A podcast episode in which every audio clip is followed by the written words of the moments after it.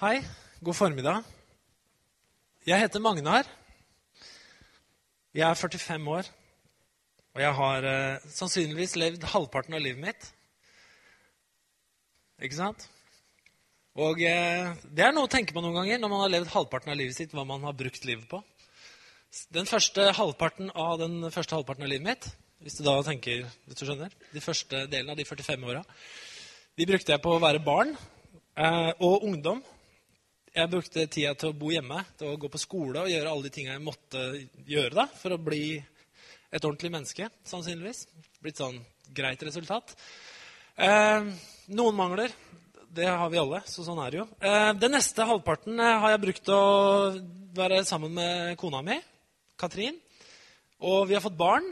Og eh, så har jeg brukt eh, de siste 20 23-2-3 åra til, til, å holde på å tjene Gud. Og Det har vært en spennende reise. Og så merker jeg det at uh, ting forandrer seg i livet. 45 er ingen alder. Vi er fortsatt unge, er vi ikke det? Selv om vi er 40 år.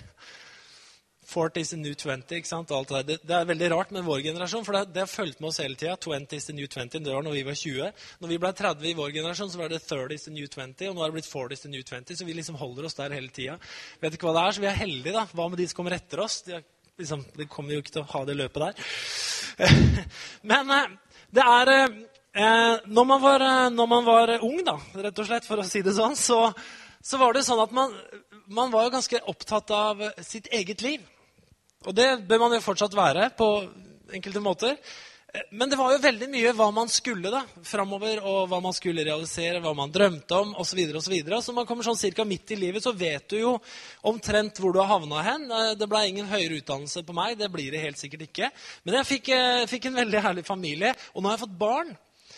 Og to gutter som er eh, fire og syv år. Det forandrer livet ganske mye, det å få barn. Det vet alle som har fått barn, at det gjør noe med oss. Det gjør noe med fokusen vår.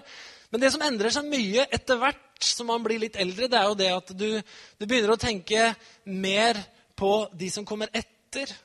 Etter hvert enn kanskje ditt eget liv. Man begynner å tenke litt mer på hva er det som egentlig kommer til å, hva er det som kommer til å stå igjen etter meg? Hva er det som kommer til å stå igjen etter vår generasjon? Hva er det, hva er det som kommer til å bli vårt etter? Ettermæle, på en måte. Hvem kommer folk til å si at vi var? Hva er det vi satt igjen her i denne verden her? Livet går fryktelig fort. Og så er det sånn at eh, noen av drømmene de eh, ble litt eh, knust, kanskje underveis. Og så er det nye drømmer som oppstår. Og så er det nye, noen drømmer som varer ved. Og en av de drømmene som varer ved for meg nå, det er jo det med barn, det med familie. Jeg vil at uh, ungene mine, guttene mine de skal vokse opp. og de kommer da, jeg tenker Det er to ting de trenger. De trenger masse kjærlighet. De kommer til å trenge det hele tida. Høre at vi elsker dem, og merke at vi elsker dem. At de får den grunnen i livet sitt som handler om kjærlighet, å være akseptert, å være ubetinga elska osv. Det må barn kjenne tror jeg, for å bli hele, for å bli sunne, for å kunne vokse opp. Men så er det en annen ting også da, som jeg tenker at barna trenger også for å bli modne voksne mennesker. Det er det at de trenger å, de trenger å mestre ting. De trenger å Kjenne det at de tar steg, at de lærer seg å lese, at de lærte matematikken, at de klarte å sykle på tohjulssykkel, og at støttehjula forsvant, ikke sant? og at de gikk bra videre med de valga de tok. At det er noe inni det her med å vokse opp som handler om å begynne å mestre ting. For Hvis de bare kjenner at de er elska hele livet, men aldri får utfordringer, aldri får noen ting som har med mestring å gjøre, aldri blir pusha på noen ting for å stå løpet gjennom og klare noe, så tror tror jeg at de blir kanskje uten dårlig selvfølelse og uten noe særlig selvtillit og sånn når de vokser, og vokser opp uansett om de har kjent at de har vært elska osv. Men uten at de har kjent at de er elska, så blir det vanskelig å få til det andre også. Det her henger litt sammen, tenker jeg. Når jeg begynte som predikant for mange år siden, så så var jeg, jeg var veldig ivrig. altså det skal sies. Jeg var utrolig ung og jeg var utrolig brennende. Jeg fikk til med en eldstebror en menighet som ba for meg til å be bønnen 'ro denne unge mannen ned'. Etter en innledning jeg hadde hatt på et møte oppe i Hamar. Da er du brennende vet du, når eldstebrødrene ber sånne bønner.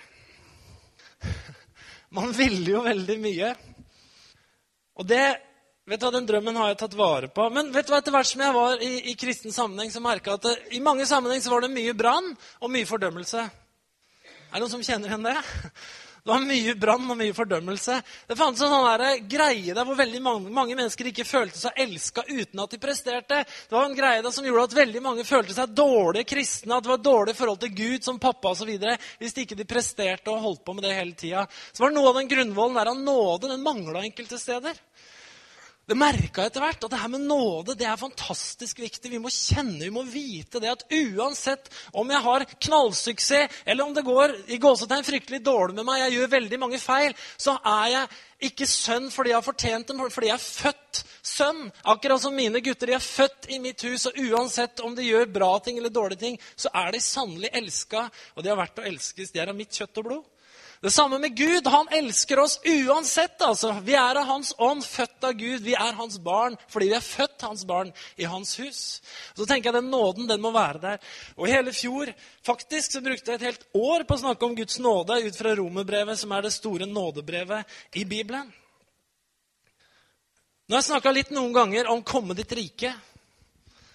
Og det går kanskje litt mer på hva vi er og hva vi gjør som kirke, som menighet osv. Det handler litt om den sida her. Og Noen ganger så tror jeg det at om vi skal få mestring, om vi skal stå, om vi skal bli modne, om ting skal vokse, så må vi noen ganger bli litt sånn pusha igjennom ting for at vi skal begynne å mestre noen greier som gjør at vi blir voksne. Utgangspunktet for den serien jeg snakka om, 'Komme ditt rike', det står i den bønnen som Jesus lærte oss å be. I Matteus 6, 10, der sier Jesus som en del av den bønnen som heter Fader vår, som vi kaller for Fader vår, som kunne like godt hett til vår far. Jesus sier, og det står her, komme, la ditt rike komme, la viljen din skje på jorden som i himmelen. Og i den engelske, en engelsk bibelmessage så står det Set the world right, do what's best, as above, so below. Gjør det som er best. Få ting riktig inn i den verden her. Og det er det Guds rike handler om. Jeg har lyst til å snakke litt om det her i dag. Hvor er det vi er på vei hen? Hva er det vi skal med livet vårt? Hva er det som betyr noe for oss nå? Hva vil det si å bli voksen? Eh, Jesus han eh, møter disiplene i eh, Matteus 16 litt seinere ute i den boka her. Og Jesus spør disiplene Folk sier jeg er det ene og det andre. Ikke sant? Noen mener jeg profeten. Eller, eller han spør hvem, er, hvem sier dere at jeg er? spør Jesus disiplene. Hvem sier folk at jeg er? Jo, folk sier at noen mener at du er Elias. og noen mener det ene og det andre, noen mener du er en profet osv. Og, og så sier Jesus ja, hvem mener dere at jeg er? Og Peter svarer jeg tror at du er Messias, den levende Guds sønn. Og Så sier Jesus at det der, Peter, det har ikke kjøtt og blod åpenbart for deg. Det er min far i himmelen som er åpenbart for deg. Og det, Peter, det skal jeg bygge min menighet på sier han. Du er en klippe, jeg skal bygge menigheten min på det. Og så sier han videre i Matteus 16, 19, at jeg vil gi deg himmelrikets nøkler. Det du binder på jorden, skal være bundet i himmelen, og det du løser på jorden, skal være løst i himmelen. Og når Jesus sier det, så snakker han til menigheten, han snakker til den kirken som skulle komme, at jeg vil gi deg nøklene til himmelens rike. Og det er tittelen på dagens preken. Det er nøklene til himmelen. Hvis du tenker på det, så er egentlig det et ganske sånn radikalt vers, da, det Jesus sier der. Det virker altså som om himmeldøra ikke lenger er stengt fra innsida. Vi kan jo tenke det at For å komme inn i himmelen, for å få det som er i himmelen, ned på jorda, Guds velsignelse, Guds glede, Guds frelse, Guds helbredende kraft, Guds kjærlighet og alt det her, så er det liksom Gud som må låse opp. Men det Jesus sier her, at det er låst opp fra innsida. Problemet er ikke at døra er stengt fra innsida. Greia er den at nå er det dere som får nøkkelen, og dere kan gå til den døra, og dere kan låse opp fra utsida. Og så kan dere åpne den døra, og dere har fått den nøkkelen der. Og så er det opp til dere å få det, her, det som er i himmelen, til å komme ned på jorda. Jaha, er det ikke Gud som sørger for det? Nei, ikke det bildet her. I det bildet her så sies det at det er dere som har fått nøkkelen. Det er du som får nøkkelen til himmelen. Peter, menigheten. Aha. Er det opp til oss, da? Vet du hva? Nå skal jeg snakke litt eh, teologi, litt kirketeologi, litt menighetsteologi. For det fins forskjellige måter å tenke om menighet og kirke på. Og jeg tror at veldig, veldig, veldig mange kristne har en feil måte å tenke menighet og kirke på. Vi tenker det at det er mange av de sakene som Gud har lagt over i sin menighet, som vi tenker at Gud skal fikse. Men saken er at Jesus sier, 'Du har fått nøkkelen, Peter'. Nå er det du som må låse opp. Det du løser i himmelen, det skal være løst på jorden. og Det som, øh, hva han sier, det som du binder på jorden, skal være bundet i himmelen. Og det du løser på jorden, skal være løst i himmelen. Det du løser, Peter. Tenk deg at du er en huseier som har alt mulig i huset ditt. Du er rik. Her, der har du mat, du har medisiner, Du har, eh, du har masse kjærlighet der. Du har, eh, du har liksom de beste tekniske greiene. Veldig bra datamaskiner, PlayStation, whatever. Du har alt mulig i huset ditt. Du har, du har bare et lager i huset ditt av alt mulig. Og så sier du til en hel haug av vennene dine Hør nå! Av ungene dine som er ute i verden, sier Hør nå! Hver gang dere treffer folk som er i nød, folk som trenger noen ting, så husk på det. Her er det nøkkel til huset mitt. Og hvis det er noen dere trenger som har behov, så har dere nøkkel til mitt hus, og dere kan komme når som helst og låse opp, gå inn, hente det dere trenger, og levere ut til de folka som har behov. Det er det bildet eh, Jesus bruker her. ikke sant? Altså Himmelen er full av alt det her. Hør nå, Her er nøkkelen. Bare låse opp anytime. Kom og hent ut det dere trenger for å gi til folk. Tenk deg da om alle disse ungene dine som, som, som fikk denne her nøkkelen her, aldri kom og henta noen ting. Ja. Ja, jeg, hadde, jeg, hadde, blitt frustrert. Jeg ser for meg det. Jeg ser for meg jeg hadde blitt frustrert da. Gutter! Her er dere ute og møter folk ikke sant? Som, som, trengte en oppvaskmaskin. Jeg har jo 15 stykker nede i kjelleren her som er nye. Det er bare å komme og hente. Jo, men uh, du veit, det er så langt å kjøre. Eller Ja, mener du det? Mener du det, liksom? Ja, men nå har jeg sagt det om igjen. Det er bare å komme og hente. Ja, men pappa, er du sikker på at du vil gi bort den nå? Ja, jeg vil gi bort den. Bare å komme og hente. Ja, men du kan tenke deg sjøl. Det er jo det bildet her Gud bruker. Dere har fått en nøkkel dere, hvor dere kan gå og hente det som er i himmelen. Mandatet som Gud har gitt menigheten, er altså ikke småtteri. Og jeg tenker at Det fins to, liksom sånn, eh, eh to sånne menighetssyn, syn på menigheten, som fins ute i verden. Eh, og Det ene er et sånn passivt bilde som handler om, om å be bønnen og regne med at Gud gjør resten. Det andre det handler om å be bønnen og det handler om å skjønne at man er en del av bønnesvaret sjøl. Jeg tenker at det, Den aktive formen for menighetsforståelse den har, den har, enorme, store røtter og sterke beviser tilbake i kirkehistorien. Bli med på en liten reise. Altså, Vi skal be for de fattige. Det er fint det, å be for de fattige, men i kirkens tradisjon og hele Bibelen og alt sammen, så holder jo ikke det. Det handler jo om at man ber for de fattige, men man gir dem også mat. Er det ikke sånn? Har det ikke vært sånn man gir dem også mat og klær? Man ber ikke bare bønner. Vi kan be for ensomme, at de skal finne fellesskap og sånn. Men det er jo veldig bibelsk å inkludere dem i fellesskapet vårt. Ta dem inn i hjemmet vårt på besøk. Hjelpe dem. La dem få oppleve det at det er mennesker av kjøtt og blod som gjør noe for dem. ikke sant? Denne helga her så har vi hatt en sånn feiring hjemme hos oss. Vi har hatt en ung mann boende hos oss i ett og et halvt år. En kjekk ung mann med alle mulige ressurser og en knallfyr som bare ikke hadde alt på plass rundt seg en liten fase av livet sitt. Han trengte litt sånn support rundt seg, så han fikk bo hos oss. Han bodde der i ett og et halvt år. Vet du hva? Nå har han jobb, nå har han kjøpt seg egen leilighet, og han flytta ut i helga. Og vet du hva? Det er skikkelig deilig! Hvorfor det? Vi kunne jo gjerne bedt for han. Vi ba for han før han flytta inn til oss. Men det handler jo ikke bare om å be for noen. Det handler jo om å hjelpe dem. ikke sant? Det handler om å åpne hjemmet sitt. Det handler om å la noen få hjelp over tid. Få støtte. Og så kommer man seg videre. Og så kan vi sette oss ned ett og et halvt år etterpå og tenke på at det ble mer enn et bønnemøte for at det skulle gå bra. Men nå er det jo bra. Det kommer til å gå kjempebra. Fyren er overlykkelig og sitter i egen leilighet i dette øyeblikk, hvis han ikke sover, selvfølgelig, men har det veldig fint og skjønner egentlig ikke helt hva som har skjedd. Men det handler om at vi er kalt til å gjøre noe mer enn å be for mennesker. om at Det skal gå bra. Det handler om at vi kan åpne hjemmet vårt. Vi kan åpne kjøleskapet vårt. Vi kan åpne lommeboka vår for å gjøre en forskjell for mennesker. ikke sant? Vi kan be om at mennesker skal finne troen. Men Bibelen er jo full av mennesker som jobba utrolig hardt for at det skulle skje. Men det Paulus kunne sitte og gjemt seg inn i en bønnekatakombe han i Jerusalem og bedt for at hele Lille-Asia og Italia og Spania skulle bli frelst. Men han gjorde jo ikke det.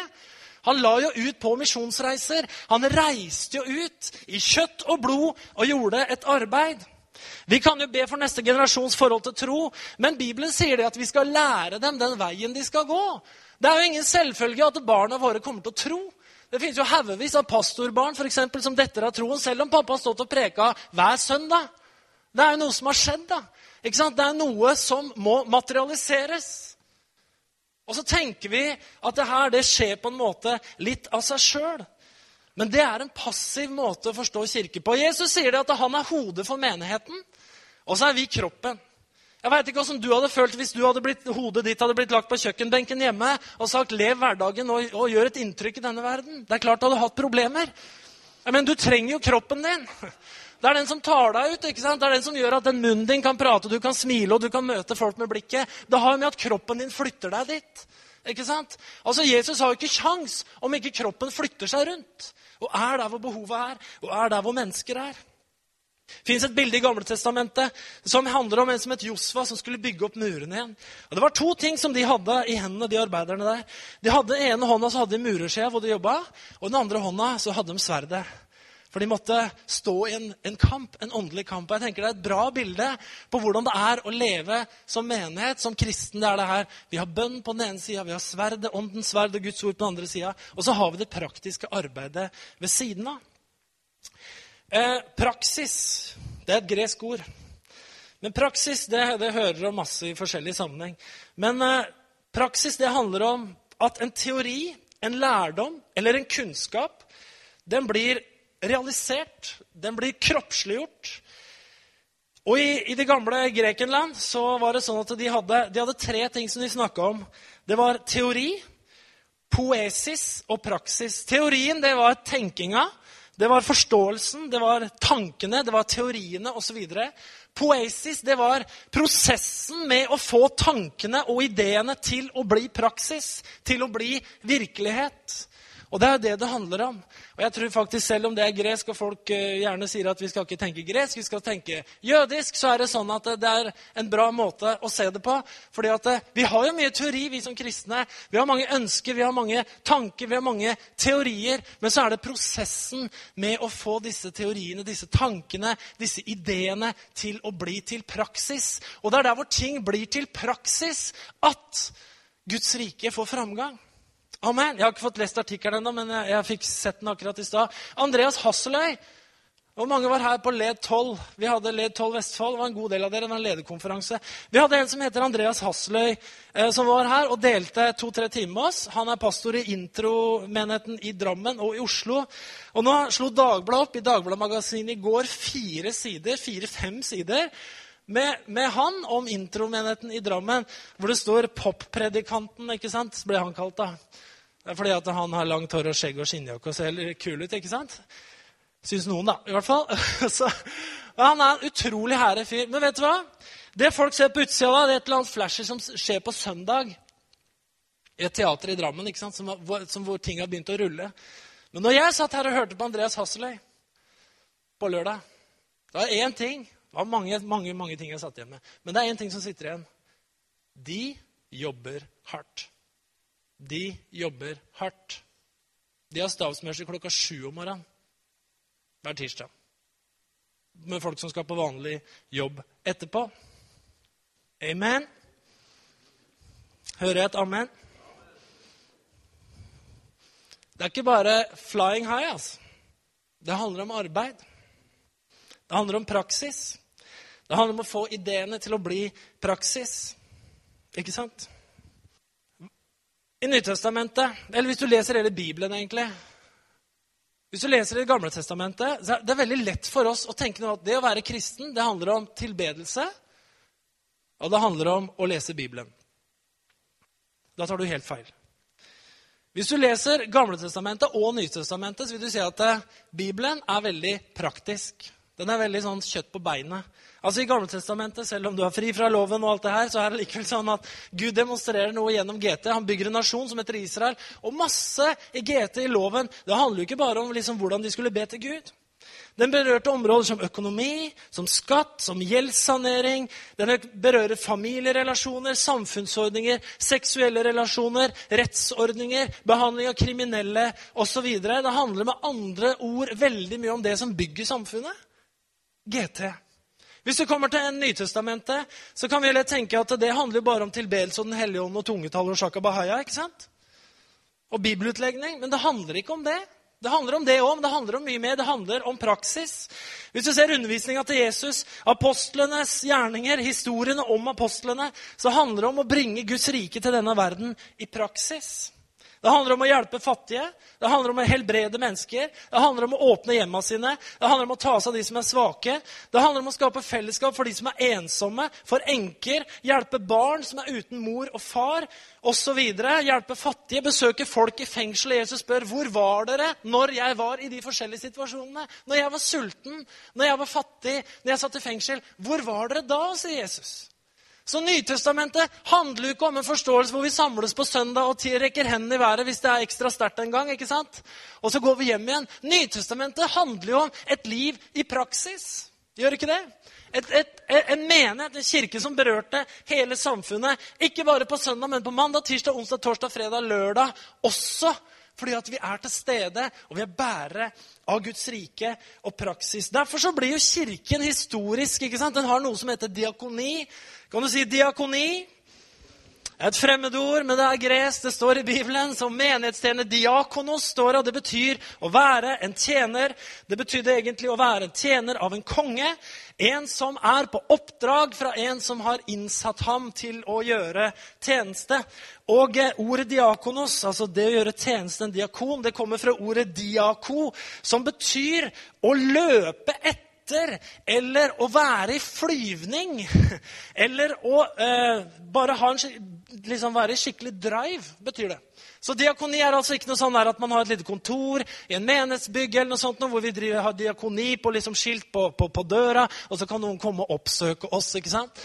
Det var som en fortalte meg en gang som var i en menighet, og han monterte ringeklokke på utsida av menigheten, hvor det opp til vaktmesterleiligheten, og hvor det kom en broder forbi og sa ja, det er jo så flott du setter på den ringeklokka, broder, sånn at alle som er i nød, kan komme og ringe på.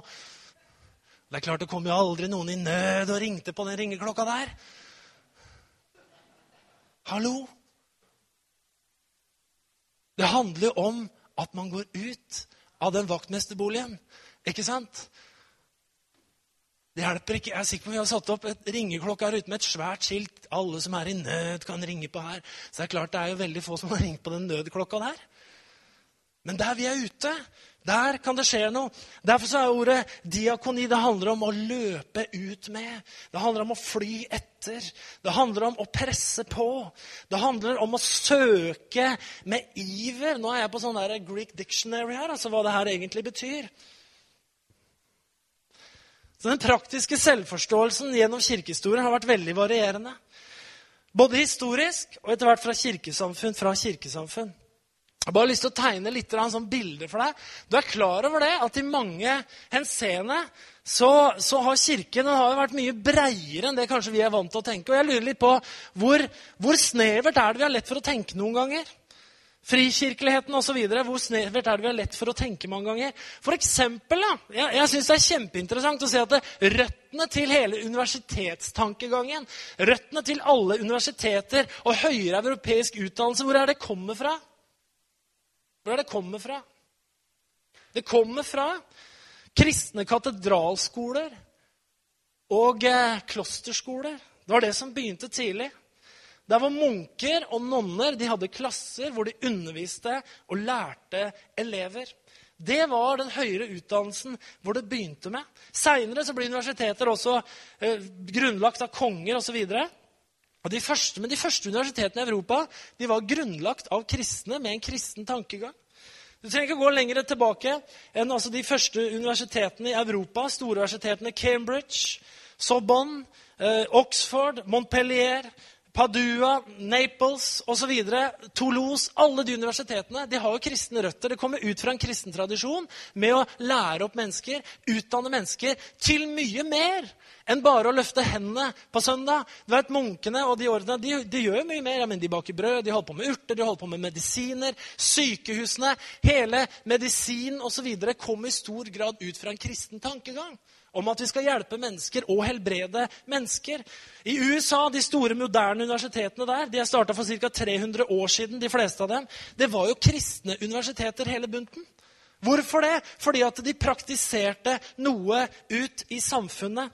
Harvard og Yale det var puritanske universiteter når de starta. Princeton University, som sikkert alle har hørt om, det var egentlig et presbyteriansk universitet som hadde kristne røtter og kristen historie. Harvard var, er, er, oppkalt etter en kristen pastor. Uh, Yale den ble starta av forskjellige forkynnere.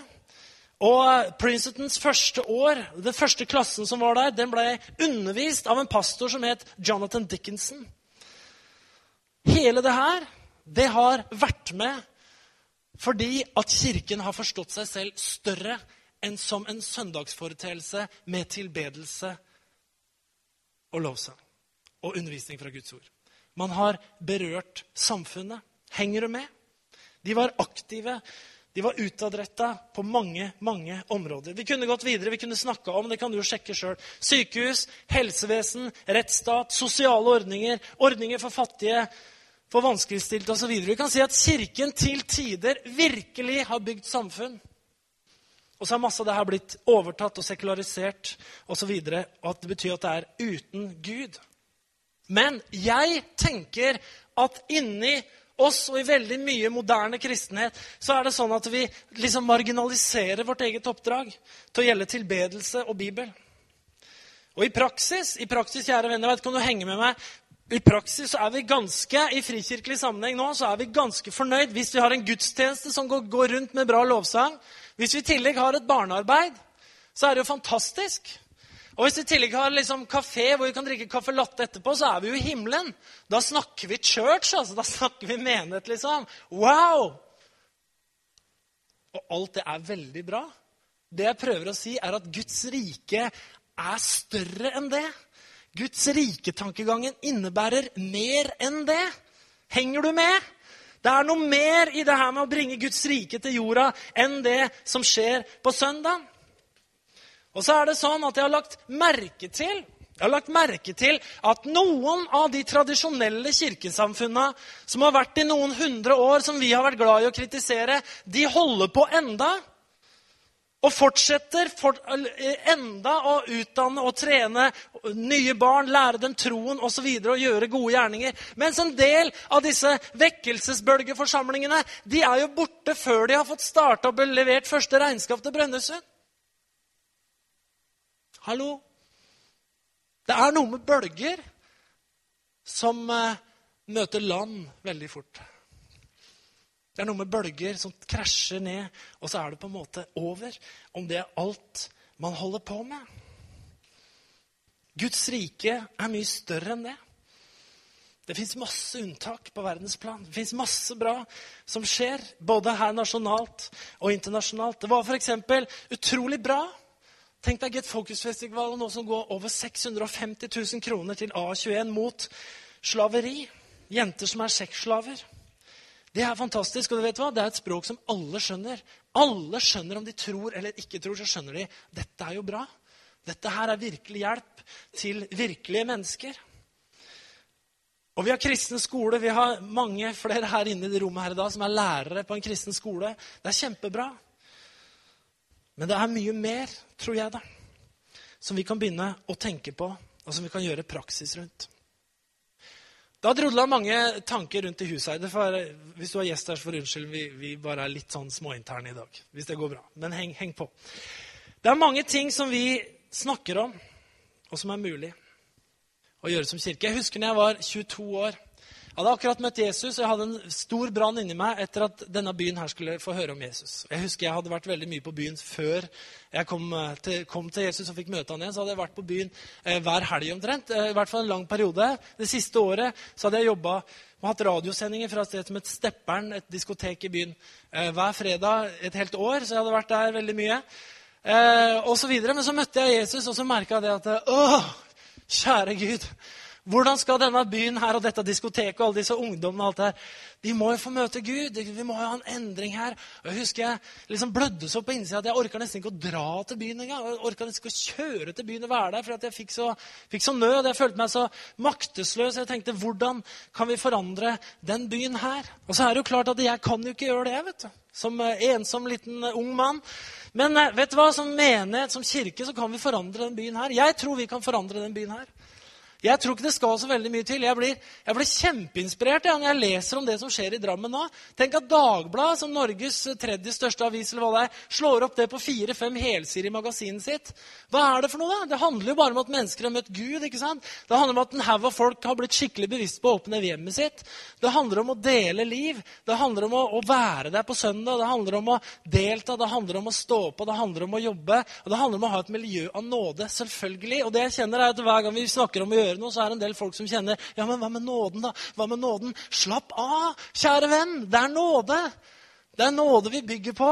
Men allikevel så er det jo et mandat som har Gud gitt oss, med at vi har fått en nøkkel hvor vi kan åpne himlenes rike opp. Amen. Det er jo noe med det å gjøre. Hva med neste generasjon i byen vår? For Det er klart det er veldig lett å være kirke for de som går i kirke. Det er lett å være kirke for de som er kristne allerede. Jeg så en liten sånn eh, note fra en som heter Andy Stanley i USA, en menighet som heter North Point. Der borte en kjempestor menighet som har vokst vanvittig fra ingenting til megachurch i USA. Andy Stanley sa det var ikke så vanskelig for oss å få vekst fordi at alle de andre kirkene var kirke for de som allerede var kristne. Så vi bestemte oss for å være en kirke for de som ikke er kristne. Så det var et voldsomt marked å ta av.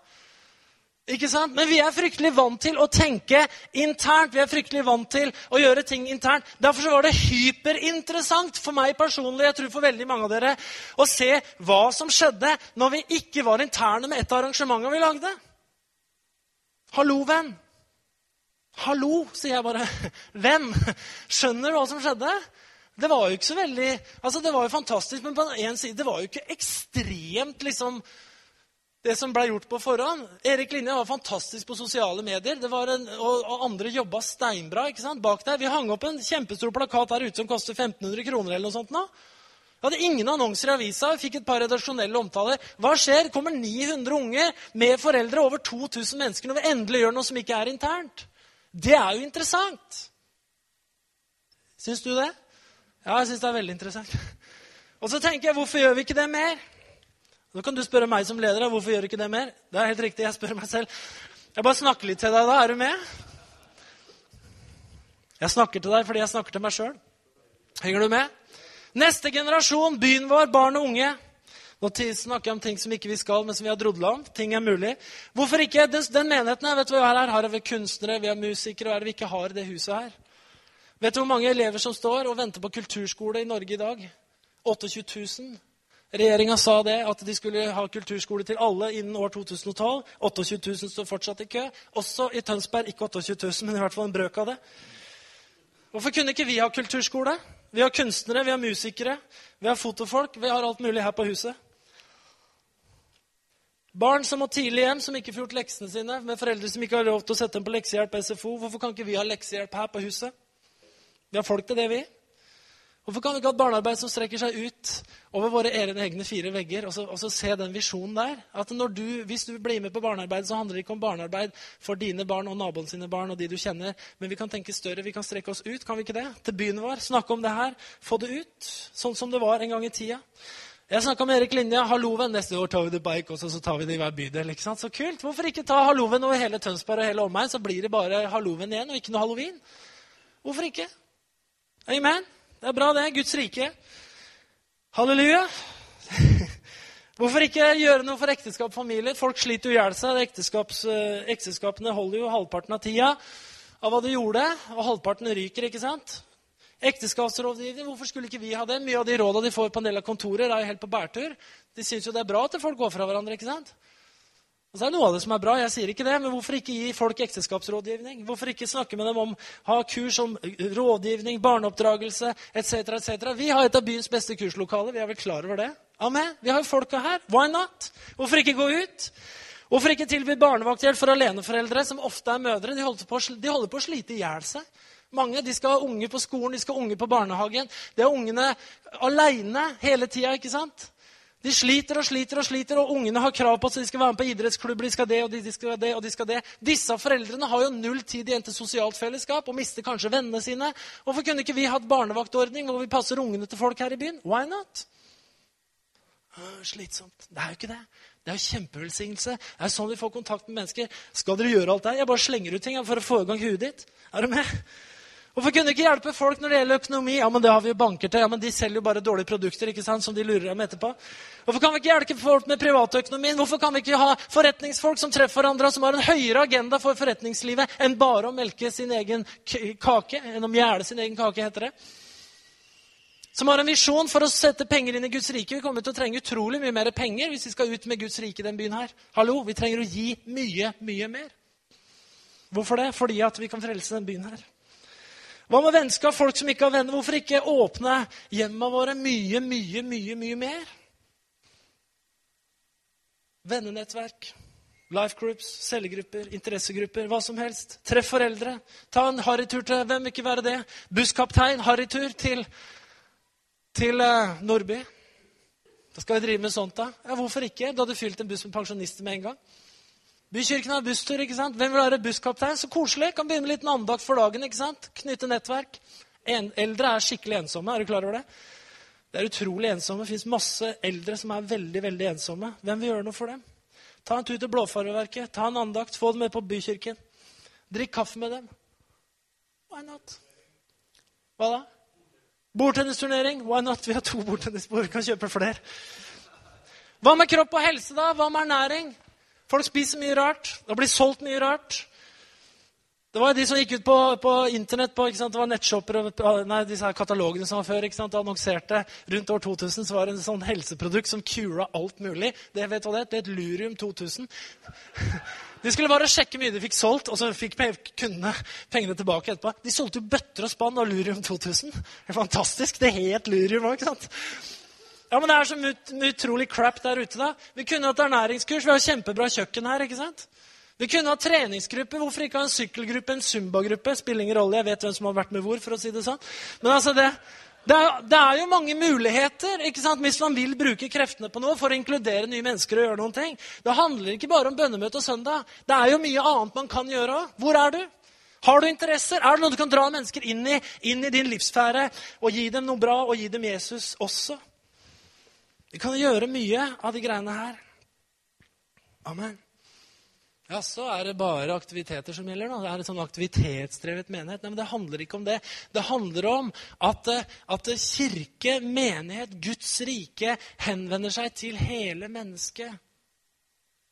Mye, mye, mye av det vi har bygd samfunnet vårt på i dag, hele samfunnsordninga vår, har utgangspunktet i evangeliet og kristen forståelse har blitt sekularisert. Men trenger vi alt det hvis andre har det? Folk trenger Jesus. Hvis det var én ting Jesus gjorde, han gjorde en utrolig smart ting når han var ute. Han betjente de behova folk følte at de hadde. Jesus møtte følte behov før han preka til dem. Er du klar over det? Når folk var sultne, hva gjorde han da? 'Jeg skal bare preke først. Skal dere få mat etterpå?' Nei. Han ga dem mat først, så preka han til etterpå. De var sjuke. Hva gjorde han? Han helbreda dem først, og så underviste dem etterpå. Han møtte de behova som folk følte de hadde. Amen. Det er et ganske sterkt prinsipp i det. Det å ene og alene bygge på og satse på vekkelsesopplevelser viser seg i kirkehistorisk perspektiv å være ganske kortsiktig. Vær klar over det. Selv om det er knallbra når vekkelsen ruller.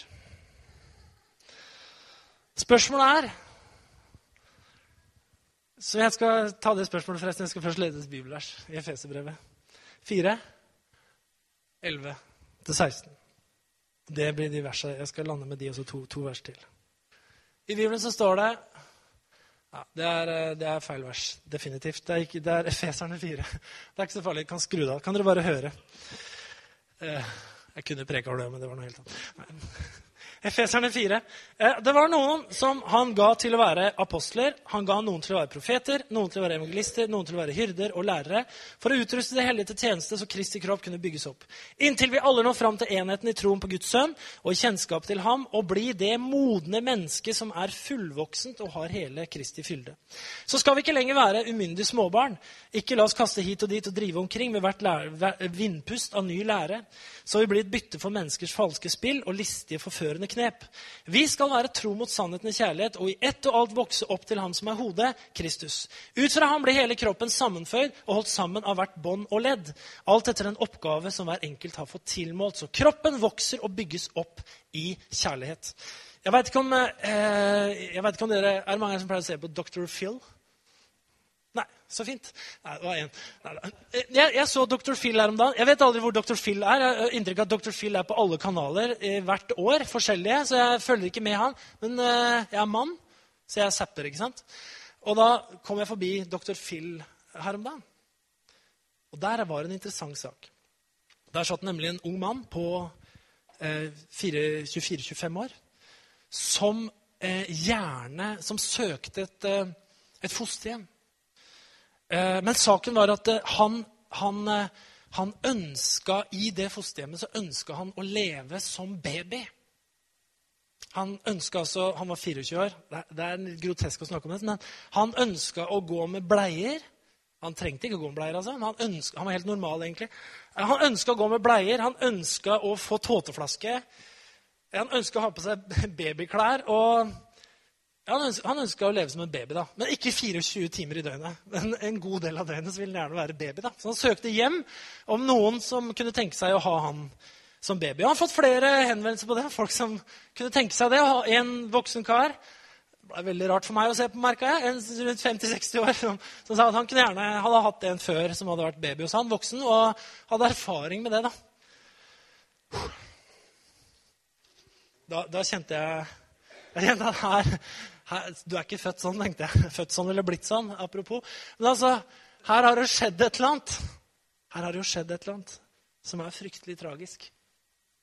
Han var i begynnelsen av 20-åra. Han skulle vært en ung, oppegående mann som hadde blitt voksen. Som levde et liv hvor han hadde begynt å ta ansvar, hvor han gjorde noen ting. Og han var ikke som baby lenger. Og han var helt fortvila og helt forvirra i livet sitt. For han oppførte seg og var fortsatt som barn. Han klarte ikke å orientere seg i den voksne verden. Her skriver Paulus noe til menigheten som hvor han skriver La oss ikke lenger være umyndige småbarn. La oss ikke bli kasta hit og dit. La oss vokse opp til manns modenhet, så vi kan ha hele Kristi fylde. Hvordan skjer dette? Ut fra han ble hele kroppen sammenføyd, holdt sammen av hvert bånd og ledd, alt etter den oppgave som er tildelt hver enkelt av oss. Denne kroppen som heter Kristi kropp, den blir ikke moden, den blir ikke voksen før hvert enkelt bånd og ledd setter dette her sammen så det fungerer.